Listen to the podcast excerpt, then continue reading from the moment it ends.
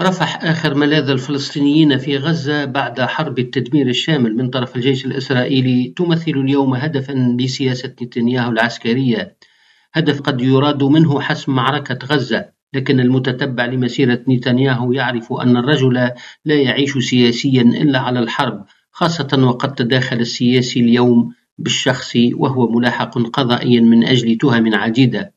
فالحرب دائمة لدى هذا الرجل ويجب أن تظل لأن فيها استمراره ومناعته، أما السلام وحتى الأسرى فموضوع ثانوي. على خلفية الحرب ومآسيها بالنسبة لشعب أعزل يعاني من الاحتلال ومن الحصار، وعلى خلفية مقاومة حماس وتطرفها، توجد إرادة الشخص للحرب المتواصلة كسبًا للبطولة من ناحية وضمانًا للحماية السياسية من ناحية ثانية. صورة البطل القومي هي من ضمن الأهداف الشخصية لإدامة المواجهة بالرغم من الخسائر البشرية الهائلة التي يبدو أن العالم لم يعطها حق قدرها من الاهتمام.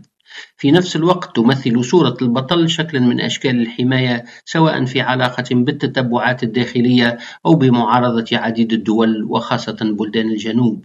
غير أن نتنياهو يواجه حقيقة موضوعية مفادها أنه لا يمكنه مواصلة الحرب إلى ما لا نهاية. فلا الاقتصاد الإسرائيلي يتحمل ولا الرأي العام الداخلي سيحافظ على صمته بالإضافة إلى عدم ضمان تواصل سكوت الدول الكبرى. في نفس الوقت لم يتأكد إلى حد الآن تحقيق أهداف الحرب الشاملة التي كان أعلنها غداة السابع من أكتوبر الماضي، فلا الأسرى تم تحريرهم ولا ثمة أدلة على نهاية حركة حماس، بل ربما سوف يكون حكم الرأي العام الإسرائيلي على الحصيلة النهائية في غير مصلحة نتنياهو. هل يرتبط هذا التوجه نحو المواجهة الدائمة فقط بشخص نتنياهو كسياسي فريد في الساحة الإسرائيلية؟ ربما المشكل في عمقه يتجاوز الشخص والسياق الظرفي الحالي، فالسؤال المطروح بإلحاح في الخفاء في الوسط الفاعل في إسرائيل هو ماذا نحن فاعلون بالفلسطينيين وهم على هذه الأرض؟ وهو السؤال الحقيقي الذي يتطلب إجابة توضح الآفاق المستقبلية. غير أن فكرة الحرب الدائمة تأتي دائما لطمس السؤال والتهرب من الإجابة أي من السلام.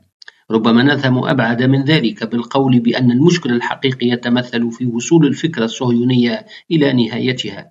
إذ يبدو التعارض جليا بين المنطق الذي صاحب التأسيس وما أتى به من فكرة الاعتراف والحق في الدفاع عن الذات وبين واقع التوسع الكولونيالي وما يصاحبه من اعتداءات والتعدي على القانون الدولي ومن جرائم.